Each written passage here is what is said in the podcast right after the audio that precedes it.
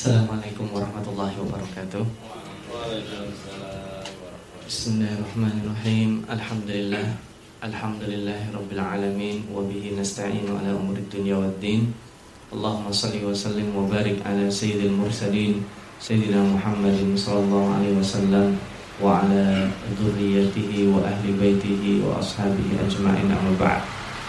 Bapak, Ibu, kaum muslimin dan muslimat beserta halaqah tadabbur Al-Qur'an yang dicintai Allah.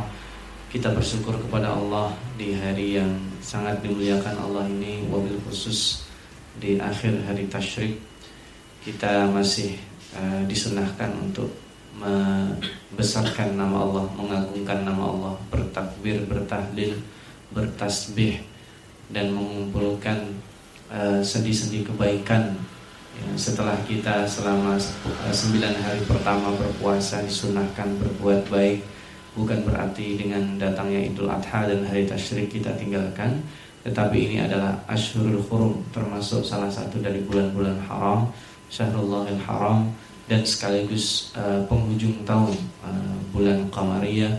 Dan kita juga berharap mudah-mudahan dengan spirit ibadah haji dan ibadah kurban ini menjadikan kita menyongsong tahun baru, uh, mendapatkan spirit pembaruan dalam hidup kita sehingga kita bisa lebih baik dari hari-hari sebelumnya. Dan mobil khusus pada hari ini kita masih melanjutkan halakat tadabbur Al-Quran kita uh, dengan kajian tema sentral Bali Israel. Setelah pekan lalu kita membicarakan dua penyakit penting yang mengakibatkan perilaku menyeleweng mereka, yaitu penyakit takut mati dan penyakit iri dan dengki maka kita akan menyambung penyakit ketiga yaitu mereka melempar kesalahan ke orang lain. Uh, bagaimana sebabnya modusnya, modusnya seperti apa dan cara Al-Quran memberikan solusi itu bagaimana kita akan membahas di ayat 102 nanti insya Allah. Kita buka mushaf kita insya Allah akan membahas empat ayat saja.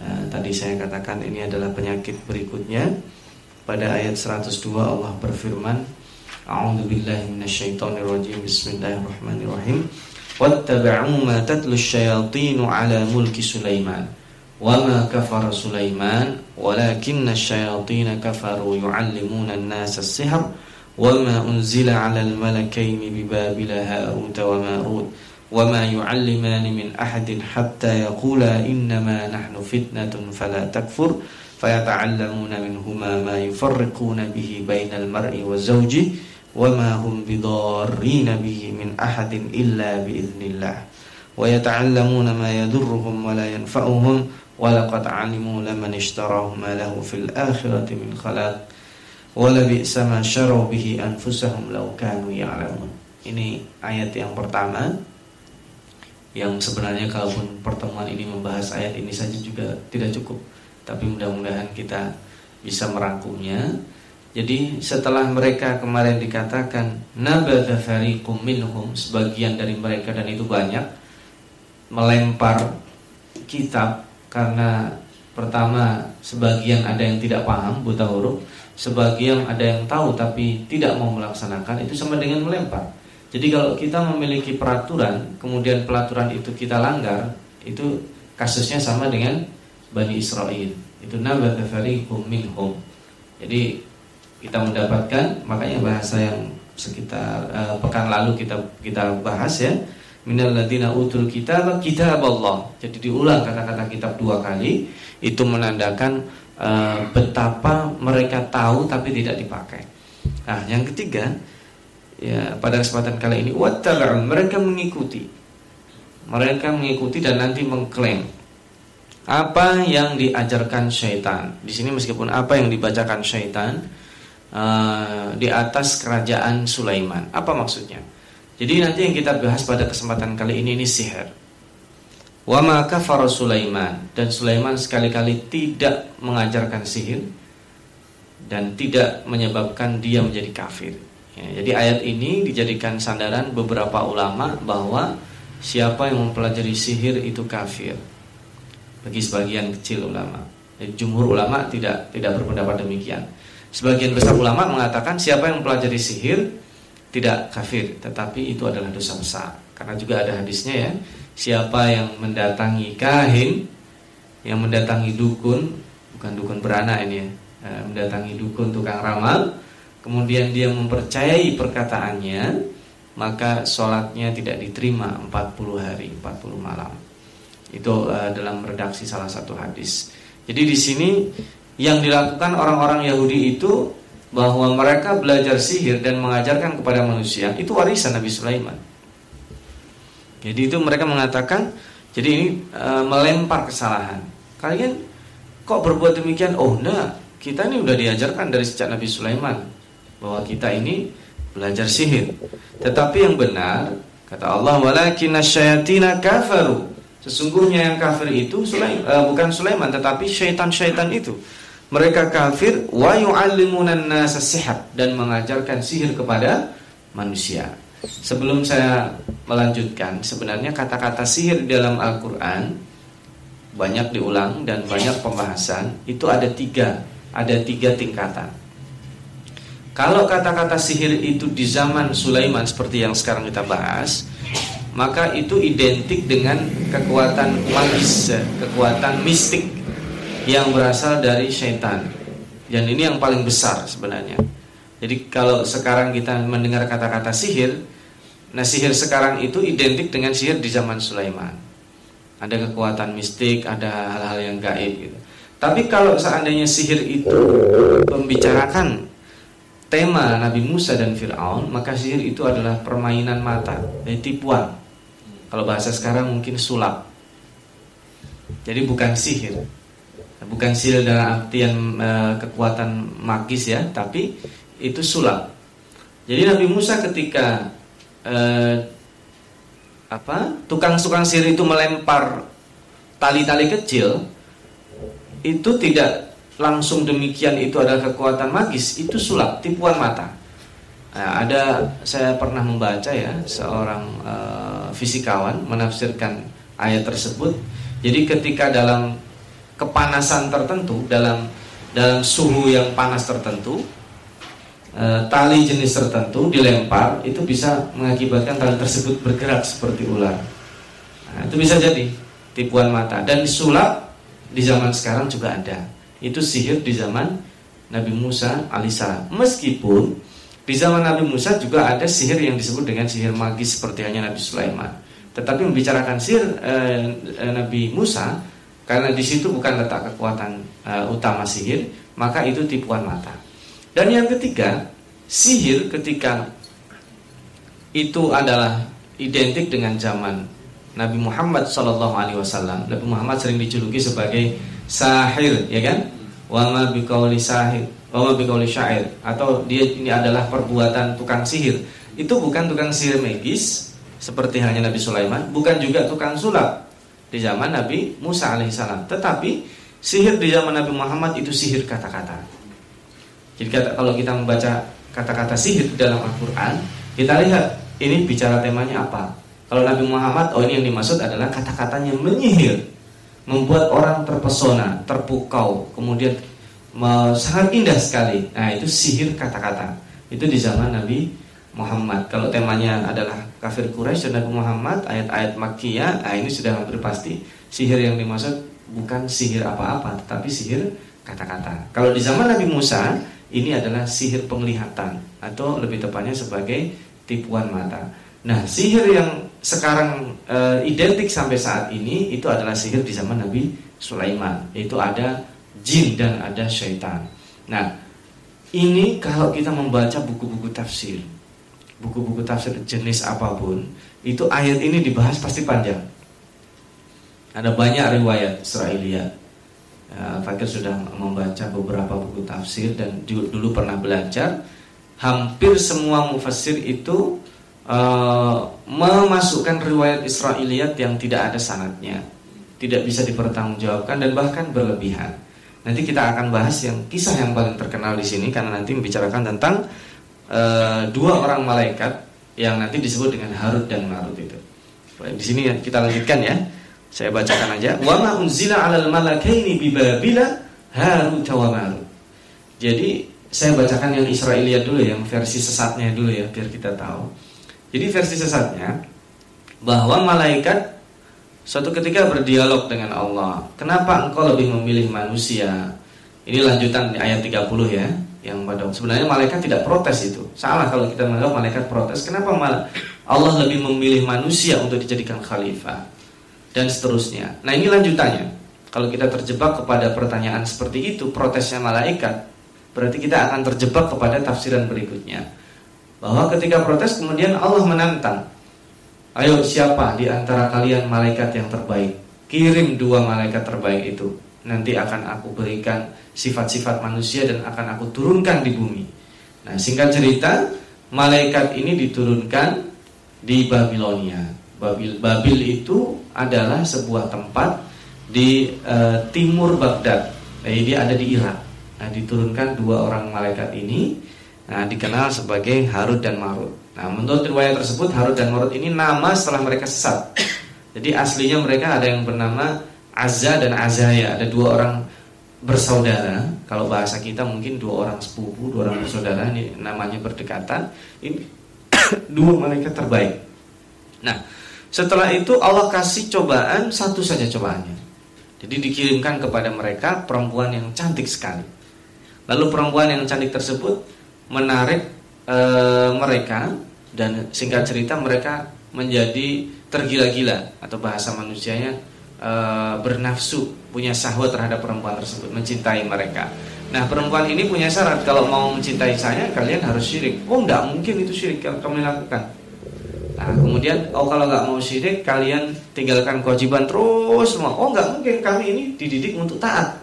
Nah sampai terakhir kemudian perempuan tersebut uh, ya, cobaan dari Allah itu mengatakan kalau gitu minum khamar saja. Nah, karena melihat meringat mengatakan mereka mengatakan oh ini kayaknya maksiat yang paling ringan. Mereka akhirnya minum khamar. Dan dengan minum khamar itulah mulai kejahatan semuanya. Dari kemudian membunuh, berzina dan sebagainya. Dan singkat cerita setelah mereka tersadar, mereka ditawari sama malaikatul adab dikirim Allah, kamu mau dihukum di dunia atau di akhirat? Mereka memilih oh, kami lebih memilih dihukum di dunia saja. Ya, ya, itulah kemudian setelah itu mereka dijuluki Harut dan Marut dan setelah itu berinteraksi dengan syaitan, mengajarkan sihir dan sebagainya. Dan ini versi ini hampir bisa ditemukan di beberapa buku tafsir. Sayangnya tidak semua mufassirin mengomentari bahwa ini adalah riwayat sesat. Ada ada beberapa buku-buku tafsir yang diam. Dia meriwayatkan ini kemudian tidak dikomentari. Tetapi e, kalau seperti uh, Ibnu Kathir beliau mengomentari riwayat ini tidak ada asalnya, tidak ada sanatnya, bahkan secara akal tidak masuk akal. Bagaimana mungkin seorang malaikat yang dididik, dididik uh, la ya'sunallaha ma tidak pernah bermaksiat wa yaf'aluna ma mereka tidak pernah uh, kecuali melakukan apa yang diperintah bisa sedemikian. Jadi ini tidak tidak benar sekali lagi nanti kalau kita mendengar cerita Harut dan Marut yang seperti ini ini versi sesatnya dan itu yang terkenal di masyarakat. Jadi saya yakin bapak-bapak dan ibu-ibu pernah mendengar cerita ini. Nah, yang bu, bukan saya mengatakan yang benar, tetapi yang mendekati dari dari uh, penafsiran yang layak untuk malaikat itu bahwa syaitan-syaitan di zaman Nabi Sulaiman itu tunduk kepada Nabi Sulaiman.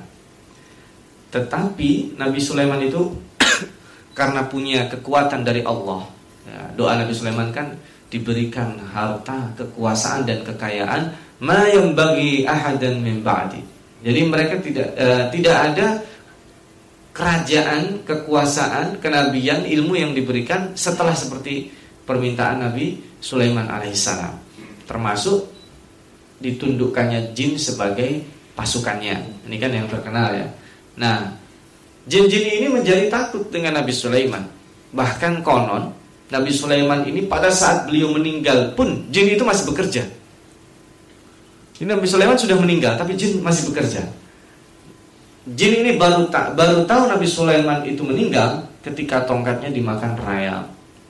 Nah, ketika dimakan rayap itu Nabi Sulaiman tersungkur dalam keadaan bersujud itu sudah meninggal ada yang mufassirin mengatakan sudah empat bulan yang lalu 40 hari yang lalu sudah setahun yang lalu makanya jin itu sangat-sangat bersyukur atau berterima kasih dengan binatang yang bernama rayap. Jadi rayap tidak akan pernah diganggu sama syaitan dan jin-jin karena itu dianggap binatang yang paling berjasa membebaskan mereka dari uh, kungkungan Nabi kekuasaan Nabi Sulaiman. Singkat ceritanya seperti itu.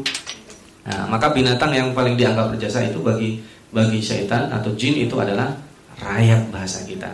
Dabah tak kulu dabah. Saatah ini uh, sebagaimana dalam surat lainnya. Kembali ke kisah ini. Jadi syaitan-syaitan itulah yang sejujurnya, sehakikatnya mengajarkan manusia sihir. Tetapi setelah itu, setelah nah ini jahatnya setan itu. Setelah mereka Nabi Sulaiman itu meninggal, setan-setan yang merdeka tadi itu mereka mengajarkan manusia dan mengatakan, "Oh, ini ada dalam kitab Nabi Sulaiman. Ini ada dalam ajaran Nabi Sulaiman." Dan itu yang tidak diinginkan Allah. Dan mereka mendapat pelajaran Bani Israel dari setan-setan ini. Nah, jadi kita akan berpikir loh, emang Bani Israel temannya setan? Nah, ntar dulu Bapak kita selama ini mengatakan bahwa berukhuwah itu seringnya identik dengan kata-kata ukhuwah Islamiyah ya. Padahal ukhuwah itu tidak identik dengan Islamiyah. Ada ukhuwah syaitoniyah. Dalam surat Al-Isra ada ya, innal mubadzirina kanu ikhwan syayatin. Jadi kalau ingin berukhuwah dengan syaitan, jadilah orang mubadzir. Dalam surat Al-Fasr juga ada Alam tara ilal ladina nafaqu yaquluna li ikhwanihim alladina kafaru. Dalam surat Al-Hasr ya.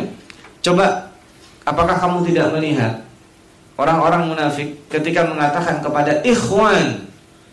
Di orang-orang munafik itu punya ikhwan, punya saudara, berukhuwah dengan orang-orang kafir. Jadi kata-kata ukhuwah itu tidak identik selamanya dengan ukhuwah Islamiyah atau hal-hal yang positif. Kita bisa juga naudzubillah min dzalik berukhuwah dengan syaitan kalau perilaku kita seperti perilaku yang dibisikkan syaitan atau nafsu kita yang sering kita turuti. Nah, kembali ke tadi, jadi mereka mengajarkan manusia sihir. Kenapa? Orang syaitan ini istara sam'a dalam surat jin juga dijelaskan di dalam surat Al-Mulk juga dijelaskan bahwa ada jin-jin itu dia setiap hari naik ke langit mencuri dengar karena di langit itu tempat e, tempatnya hal-hal yang gaib dipindahkan dari satu kitab ke kitab catatan manusia. Jadi dia mendengar dan tidak mungkin dia bisa mendengar utuh karena kalau ketahuan penjaga langit dilempar mereka uh, dengan bintangan. Rujuman lisyayatin dalam surat Al-Mulk itu ya. Mereka dilempar. Nah, itulah dari situ mereka membisiki dukun-dukun itu. Jadi dukun-dukun itu tidak selamanya benar tapi tidak selamanya salah karena mereka dapat bocoran itu hal-hal yang gaib. Dan makanya kalau kita mendengar ke tukang ramal, wah, benar juga ya. Wah, Benar juga, hati-hati kalau kita percaya 40 hari 40 malam salat kita tidak diterima. Dan tidak selamanya benar. Kadang benar dan itu lebih kepada tekanan mental atau apa ya? Kalau ada ramalan itu dalam bahasa Arab itu tatoyur. Jadi dulu dalam uh, orang-orang musyrik jahiliyah kalau mau keluar rumah mau berdagang, dia lihat nunggu burung datangnya dari kanan atau dari kiri. Jadi itu merupakan motivasi sebenarnya dan motivasi-motivasi positif ataupun negatif itu dari dulu sampai sekarang ada. Makanya kita jangan sampai salah menggunakan motivasi-motivasi e, negatif itu seperti hanya ajaran syaitan. Tetapi, ini saya lanjutkan ya. Mereka malaikat ini mengajarkan yang benar ya. Malaikat yang dikirim Allah sebagai cobaan kepada manusia itu memang benar mengajarkan hal-hal tertentu yang diturunkan tadi itu ya dan mereka ketika mengajarkan belajar sihir pun sebenarnya boleh menurut sebagian para ulama. Dengan catatan belajar sihir tidak untuk e, menyakiti, tidak untuk hal-hal yang menyesatkan. Nah, di sini ketika mereka mengajarkan kepada manusia, mereka ada pakemnya. Mereka mengatakan, "Yaqula innama nahnu fitnatun fala takfur." Kalian jangan sekali-kali kufur. Kami ini ujian Allah. Harut dan Marut tadi itu ya. Itu ujian cobaan Allah sebenarnya pada sebuah suatu kaum. Nah, tetapi manusia-manusia itu belajarnya itu relatif suka belajar kepada hal-hal yang aneh-aneh. Makanya fayata'allamuna ma yadurruhum. Ini. Nah, yang paling besar jadi sihir itu kalau dibuka sihir uh, saya khawatir ya saya buka dikit-dikit aja ini. Jadi sihir itu yang paling besar di sini disebut ya ma yufarriquna bihi bainal mar'i wa.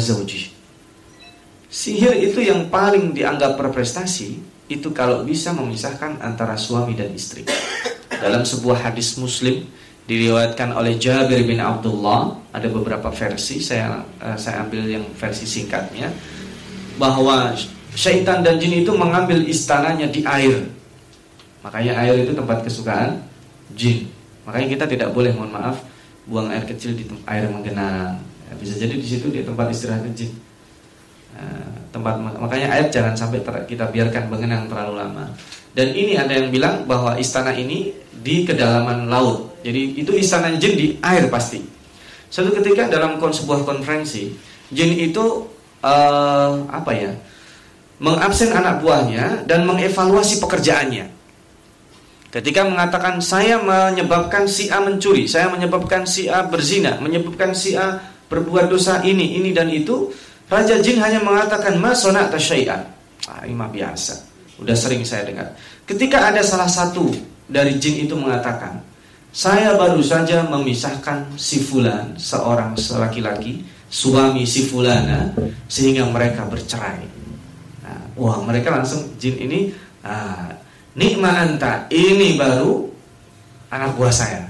Nah, jadi prestasi membuat seseorang itu apa mencuri, membuat seseorang begini, begitu, biasa aja jin. Tapi begitu ada anak buah yang mengatakan, oh saya sudah memisahkan si A dan si B dengan sihir, Nah, itu baru prestasi disebut. Jadi ada, ada. Jadi ketika suami dan istri itu diusahakan bercerai, itu ada. Ini bukan menakut-nakuti. Jadi kalau ketika kita bertengkar sama istri kita, oh jangan-jangan ada sih. Bukan itu yang saya maksud, tetapi di baliknya eh, ada pertikaian yang berlarut-larut atau berpisahnya suami suami istri dengan atau tanpa sihir, itu ada jin-jin yang bertepuk tangan di sana. Karena ini sudah jelas nih ma yufarriquna bihi bainal mar'i wa zawji. Dan kita di Indonesia juga mengenal jenis-jenis mistik seperti ini banyak. Ada yang disebut dengan pengasihan supaya orang-orang tergila-gila dengan si A atau supaya si, si fulana itu meninggalkan suaminya atau pasangannya itu dengan sihir bisa tuh bisa. Makanya kita kembali ke atas wattaba'u matatlu ada bacaannya berarti. Lah berarti sihir ada mantranya? Ada Jangan kita terkecoh dengan ayat-ayat Al-Quran. Bisa jadi mantranya itu ayat-ayat Al-Quran. Loh bisa, bisa. Kalau kita menerima suatu amalan, amalan itu e, seperti zikir atau ayat-ayat Al-Quran, kemudian di tengah-tengahnya ada kata-kata yang tidak kita pahami. Nah itulah matatlus syayatin yang dibaca syaitan. Itu mantra-mantra jin. Misalnya kita sudah membaca ayat bagus banget, tahu-tahu tengahnya ada nggak bisa dibaca gitu. Ada mantra aneh sekali. Disuruh baca bagu-bagu gigi yang misalnya. Bahasa-bahasa yang tidak bisa kita pahami. Ketahuilah bahwa itu adalah mantra syaitan. Itu yang disebut dengan dengan yang dibaca syaitan yang kemudian dikatakan oh ini ada kok di Quran. Sama. Mereka akan mengatakan oh ini bukan sih. Ini yang saya baca itu surah yasin Surah Yasin dibaca 40 kali nggak pakai nafas mati orang. uh, jadi membaca surat Al-Fatihah dibaca tiga kali. Nanti yang ketiga kali disisipin dia kata-kata yang aneh itu. Itulah intinya. Jadi kita jangan sampai terkelabui. Dan kalau kita baca itu jangan-jangan misalkan supaya kita dikaruniai kelanggengan dalam berkeluarga, kita datangi orang pinter, kita sering mengatakan gitu.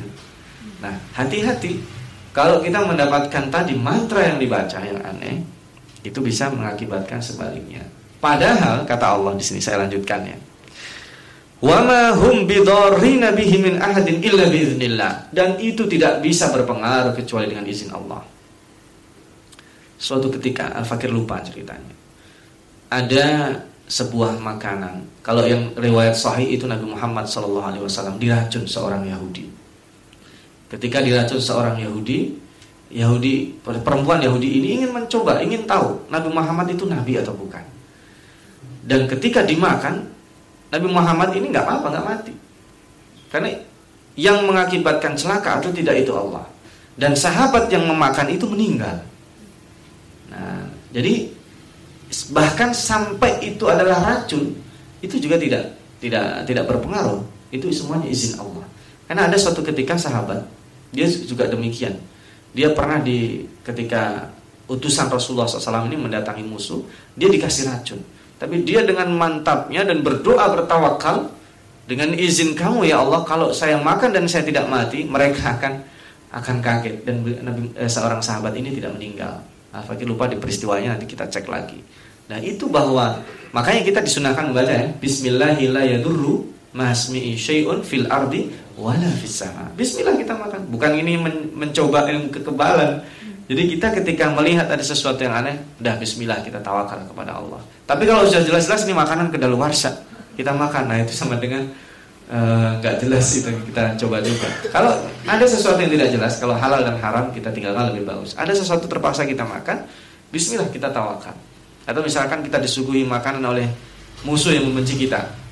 Pada saat itu kita tidak bisa meninggalkan karena sedang disaksikan orang banyak. Ya Bismillahi la yadurru ma'asmi syai'un fil ardi wala sama dan seterusnya. Dan kita lihat wa yata'allamuna ma yadurruhum wa la yanfa'uhum. Dan ini mereka belajar yang membahayakan mereka. Nah, sihir itu secara uh, arti kebahasan mungkin nggak saya uh, Al-Fakir bahas. Itu sesuatu yang aneh. Jadi sihir itu jadi ada yang hal-hal yang di luar kebiasaan disebut dengan bisa sering kita kenal dengan karoma, dengan mukjizat, di antaranya sihir. Apa bedanya sihir dengan mukjizat atau karoma? Kalau mukjizat itu tidak bisa dipelajari. Nabi Musa mau dapat tongkat, kemudian kita bilang, "Oh, dari mana saya dapatkan tongkat Nabi Musa?" Nah, kalau sekarang ke Mesir dapat tongkat Nabi Musa, tapi artinya lain. Tapi tongkat Nabi Musa dalam artian yang bisa berubah jadi ular itu nggak bisa dipelajari. Dari mana saya mendapatkan bisa mengeluarkan tangan yang mengeluarkan cahaya mukjizat? Oh, tidak bisa. Itu pemberian Allah murni. Kalau sihir bisa dipelajari. Saya bisa nggak jalan di atas air? Bisa. Sana pergi ke Beijing, tapi pas musim dingin karena itu membeku di atas danau itu kita bisa jalan. Atau dengan cara-cara yang lain. Bisa hal yang aneh Sihir bisa dipelajari, tetapi karomah dan mukjizat bahkan orang yang menerimanya sendiri juga tidak tahu, tidak bisa. Nah, saya kebal, bisa dipelajari, bisa kalau itu sihir. Tapi kalau itu karomah dan mukjizat, nggak bisa kita pelajari. Misalkan sekarang kita sedang dirampok sama orang, wah kita keluarkan ilmu kebal, ternyata dibacok luka juga, yang kita nggak bisa, nggak tahu. Karena yang memberikan kekebalan, memberikan mukjizat atau karomah kepada seseorang, itu Allah, tidak bisa dipelajari.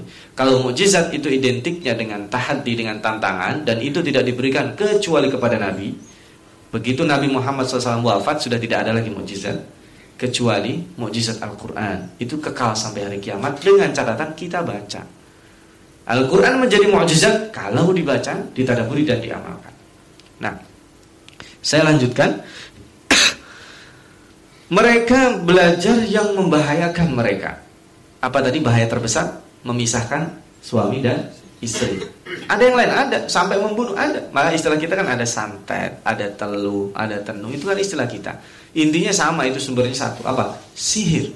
Ada itu ada. Ada sihir itu berbentuk uh, kiriman melalui makanan. Ada berbentuk dengan mantra. Ada berbentuk dengan apa ya? Disebut takiyah itu benda-benda tertentu itu apa disebut? Kalau dalam uh, ilmu kita jimat. Ya, ada melalui jimat. Ada melalui ini dan itu ditempel di rumah nih kalau ada orang masuk dia nggak akan bisa keluar. Iya, pintunya nggak dibuka. Misalnya, misalnya. Jimat ada, ada.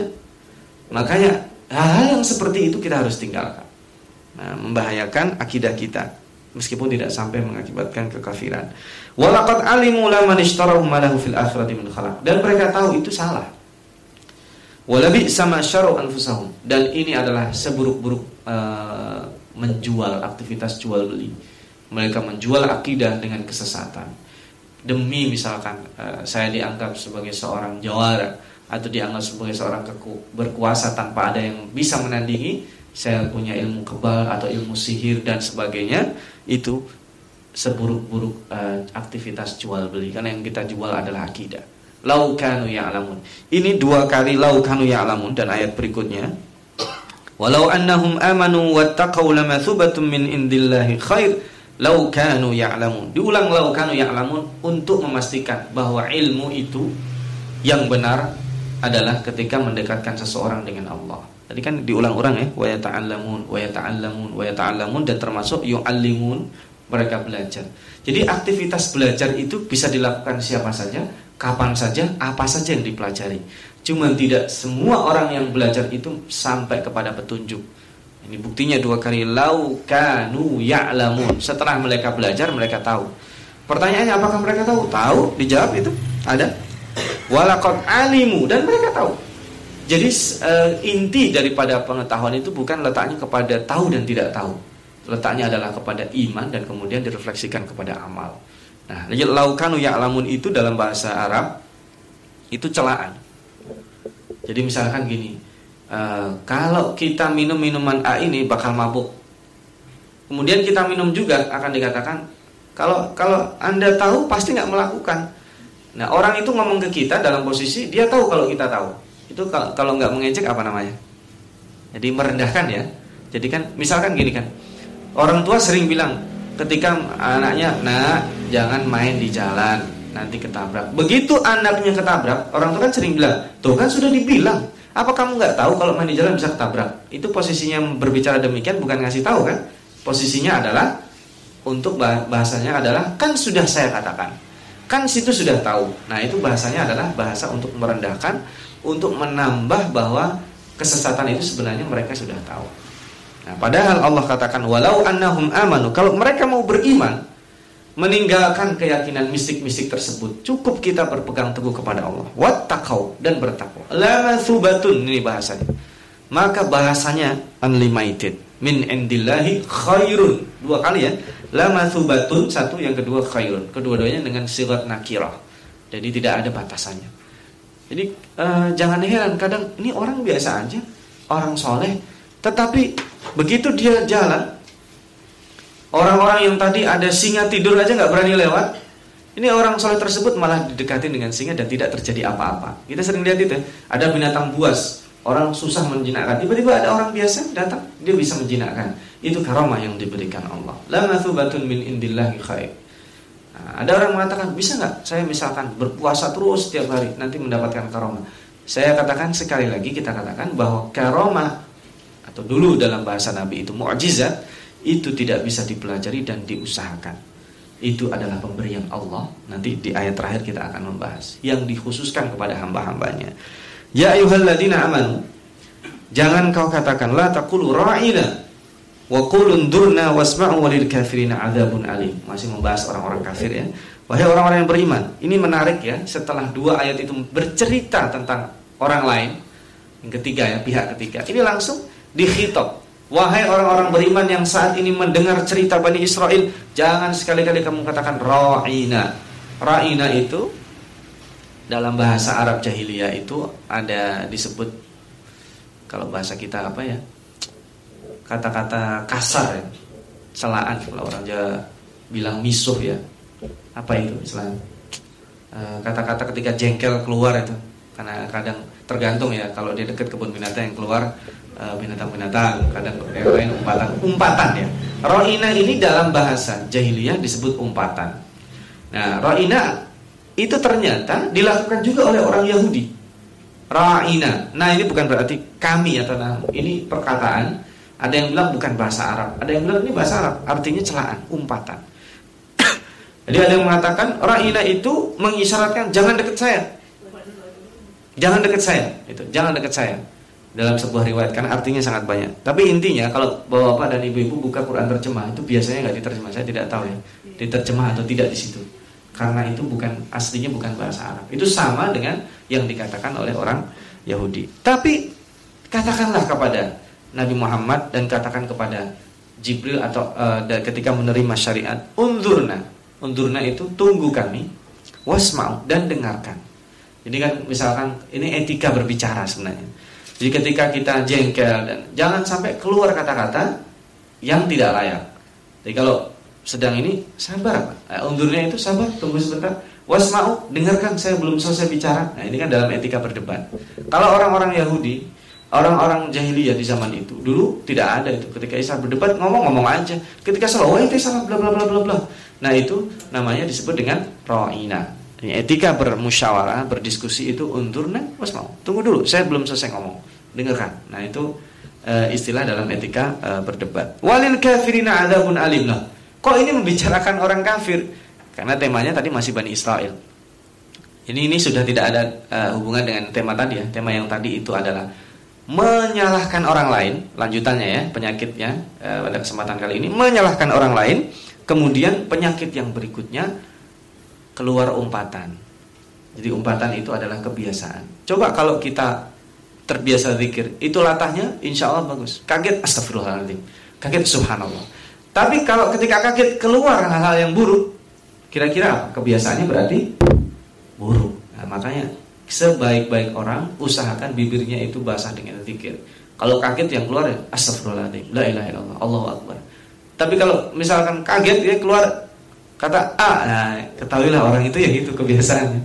Maka ini uh, Allah katakan walil kafirina adabun alim karena masih berhubungan dengan tema kata. Orang yang terbiasa berkata-kata buruk bisa menyebabkan kekafiran, tapi tidak langsung otomatis ya, karena ini satu rangkaian tema tema besar.